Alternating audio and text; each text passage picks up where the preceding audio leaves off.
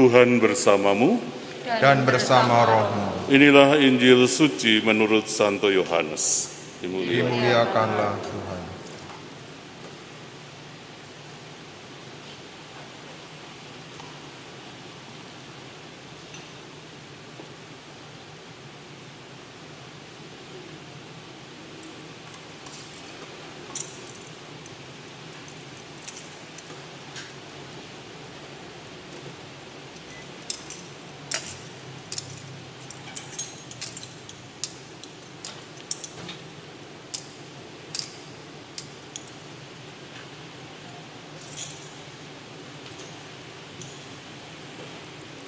Pada perjamuan malam terakhir Yesus berkata kepada murid-muridnya, "Jika kamu mengasihi aku, kamu akan menuruti perintah-perintahku.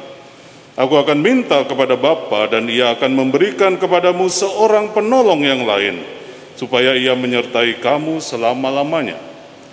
Jika seorang mengasihi kamu, Bapakku akan mengasihi dia, dan kami akan datang kepadanya dan tinggal bersama-sama dengan dia." Siapa saja yang tidak mengasihi aku, ia tidak menuruti firmanku. Dan firman yang kamu dengar itu bukanlah dari aku, melainkan dari Bapa yang mengutus aku. Semuanya itu aku katakan kepadamu selagi aku berada bersama-sama dengan kamu. Tetapi penolong yaitu roh kudus yang akan diutus oleh Bapa dalam namaku, dialah yang akan mengajarkan segala sesuatu kepadamu dan akan mengingatkan kamu tentang semua yang telah aku katakan kepadamu. Demikianlah sabda Tuhan. Terpujilah Kristus. Saudara-saudari dan juga para sahabat muda yang dikasih Tuhan. Yang menarik pada hari raya Pentakosta, kita diajak untuk merenungkan bahwa ciri khas mengasihi Tuhan adalah mentaati segala perintahnya. Kita diajak untuk mentaati segala perintahnya. Santo Thomas pun mengatakan, tanpa ketaatan, bahkan doa sekalipun tidak akan menyenangkan hati Tuhan.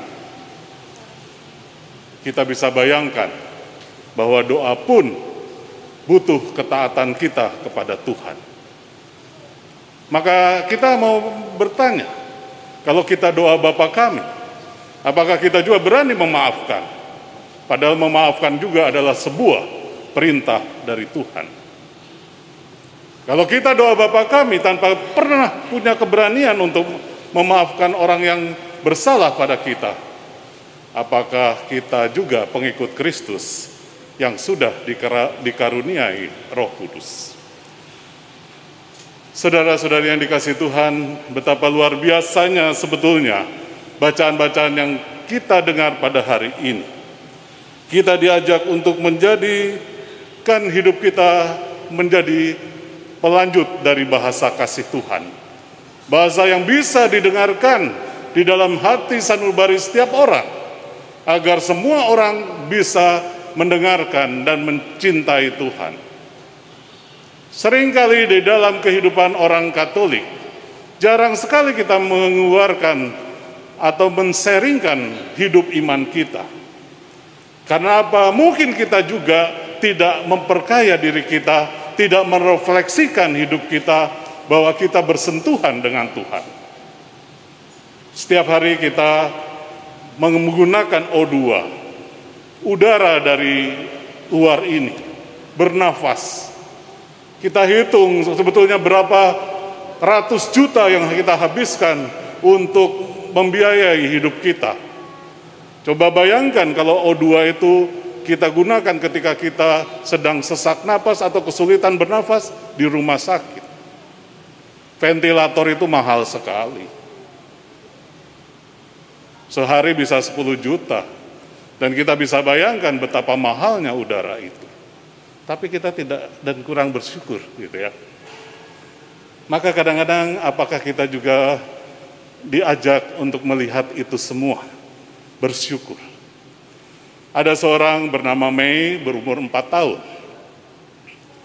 Dan ketika dia berumur 4 tahun di negeri Cina pada tahun 1950, ibunya ternyata ditangkap oleh rezim di sana karena dia menjadi seorang pengikut Kristus. Ternyata di dalam penjara yang ketat itu ada imam, ada uskup, ada religius, juga ada orang-orang Katolik yang berkumpul di sana. Dan mereka tidak boleh merayakan Ekaristi, walaupun ada religius di sana.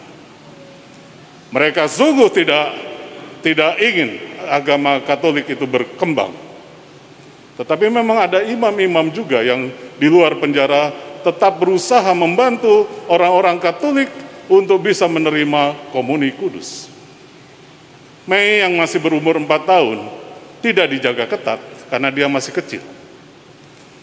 Tetapi ketika ada seorang yang dijaga ketat, seorang ibu, dan mau diberikan hosti, ternyata tidak mudah. Maka melalui Mei berumur 4 tahun ini, melalui di dalam pakaiannya, lalu disimpanlah hosti yang diberikan kepada wanita itu. Dan akhirnya berhasil. Lalu apa yang terjadi setelah beberapa tahun, Mei ini pun bersama ibunya bebas dibebaskan. Lalu anak itu merindukan untuk menerima komuni kudus. Walaupun usianya belum mencapai sesuai aturan gereja, tetapi gereja memutuskan untuk memberikan dia komuni kudus. Lalu berselang beberapa bulan, dia pun diberikan dan menerima sakramen krisma, penumpangan untuk menerima roh kudus. Lalu ketika banyak imam harus diusir dari negeri Cina, lalu dia mengatakan kepada para imam dan para uskup itu dan mengatakan, saya tidak takut untuk melanjutkan karya keselamatan ini. Saya tidak takut untuk meneruskan bahwa saya adalah pengikut Kristus karena saya sudah menerima Roh Kudus. Jadi romo-romo, Bapak Uskup dan sebagainya kita memang tetap harus melanjutkan karya keselamatan itu. Anak sekecil itu sudah bisa mengungkapkan orang-orang yang begitu takut menunjukkan bahwa dia adalah seorang anak pemberani. Kenapa kamu jadi seorang anak pemberani seperti itu? Karena saya sudah menerima Roh Kudus yang diberikan oleh seorang uskup kepada saya. Saudara-saudari yang dikasihi Tuhan, bermaknakah krisma untuk diri kita? Bermaknakah krisma untuk perjuangan kita sebagai orang Kristiani? Apa yang telah kita buat sebagai orang Kristiani? Kadang-kadang kita harus berani mengungkapkan iman kita. Karena kita sering kali tidak memperlihatkan iman kita itu sebesar apa, sedalam apa, sebijaksana apa, jatuh bangunnya kayak apa, dan sebagainya. Para rasul pun sebetulnya adalah kelompok yang penakut. Dan Tuhan pun tahu bahwa ini adalah kelompok-kelompok penakut. Maka dia diberi kuasa roh kudus. Sehingga dia menjadi pribadi-pribadi yang berani. Apa? Apakah kita juga setelah menerima sakramen krisma kita menjadi lebih berani menjadi saksi iman dalam kehidupan ini. Ada empat hal, ada tiga hal yang dinyatakan oleh Paus bahwa kita sering kali tidak bisa masuk ke dalam pintu hati setiap orang. Yang menghalangi pintu hati setiap orang yaitu pertama, narsisme. Bahwa orang sering kali jatuh untuk mengidolakan dirinya sendiri Orang menjadi egois dan menyukai apa yang menguntungkan bagi hidupnya. Narsisme melanda dunia ini. Narsisme menghancurkan kekuatan-kekuatan yang baik dalam kehidupan ini karena kita menjadi orang yang sangat egois dengan menggunakan teknologi di zaman ini. Yang kedua adalah fiktisisme. Fiktisisme yang mau mengatakan bahwa orang selalu mengeluh, berpikir negatif, dan merasa tidak ada orang yang memahami. Maka kita sering kali melihat banyak orang yang mengeluh dan mengeluh terus. Dan mau mengatakan semuanya adalah negatif dan semua orang tidak memahami aku, maka banyak orang yang selalu mengatakan bahwa dirinya hanya hidup sendiri di dunia ini dan rasanya ingin bunuh diri untuk melihat itu semua. Orang menjadi fiktisisme, entah untuk membela dirinya atau entah untuk menunjukkan disposisinya, supaya orang menghormati dia juga. Yang ketiga adalah pesis, pesimisme, yaitu melihat semuanya adalah gelap, tidak berguna, tidak penting, dan sebagainya. Apakah kita dalam kehidupan ini melihat bahaya-bahaya itu, baik fetishisme, pesimisme, maupun juga narsisme, yang oleh Paus Fransiskus di zaman ini sungguh melanda kehidupan baik dengan HP, baik dengan teknologi media sosial dan sebagainya. Orang menjadi lupa akan pribadi yang di luar dirinya, yaitu pribadi yang sebetulnya harus diselamatkan. Maka pada kesempatan ini, Bapak, Ibu, dan saudara-saudari sahabat muda, Santo Paulus mengatakan buah-buah roh yang sebetulnya harusnya tampak kalau kita memiliki Roh Kudus. Apakah kita memiliki damai sejahtera? Apakah kita memiliki kesabaran?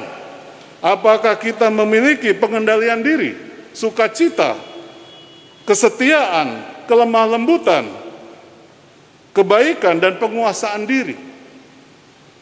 Kita bisa membaca dari Galatia 5 ayat 22 sampai 23 untuk mengatakan buah-buah roh itu kita miliki atau tidak? Kalau tidak, lalu bagaimana kita mencoba untuk mencarinya? Apakah orang Katolik itu sukacita? Seringkali pertanyaan ini menjadi sulit karena sering kali orang Katolik itu tidak bergembira dalam hidupnya, dalam imannya. Mungkin kalau dikasih uang baru gembira. Tapi maksud saya adalah mau mengatakan kepada kita, apakah kita menjadi orang Kristiani yang sukacita? Orang Kristiani yang bisa mengendalikan diri, diajak puasa, puasa. Bukan lagi malah sibuk dengan aturan-aturan puasa. Boleh ini enggak? Jumat boleh begini enggak? Kalau nanti begini boleh enggak? Kita terlalu sibuk untuk melihat aturan main, tapi tidak sibuk untuk bagaimana kita mempersembahkan puasa yang menyenangkan hati Tuhan. Bapak, Ibu, dan saudara-saudari yang dikasih Tuhan, semoga melalui rahmat Pentakosta ini, kita sungguh-sungguh menggunakan rahmat ini dengan sebaik-baiknya. Jangan menyalahgunakan rahmat ini untuk kepentingan diri kita. Tapi gunakan rahmat ini untuk keluar dari diri kita, untuk mewartakan kesaksian, untuk keluar dari ketakutan, untuk keluar mewartakan Tuhan seperti yang ditugaskan ketika dia naik ke surga, baptislah setiap orang dalam nama Bapa, Putra, dan Roh Kudus, dan ajarilah dia apa yang aku ajarkan kepadamu. Maka kita punya tugas yang tidak kecil. Maka jangan sampai mengecilkan peran kita sebagai orang Katolik, orang Kristiani yang sudah dianugerahkan Tuhan dengan kuasa Roh Kudusnya. Tuhan memberkati.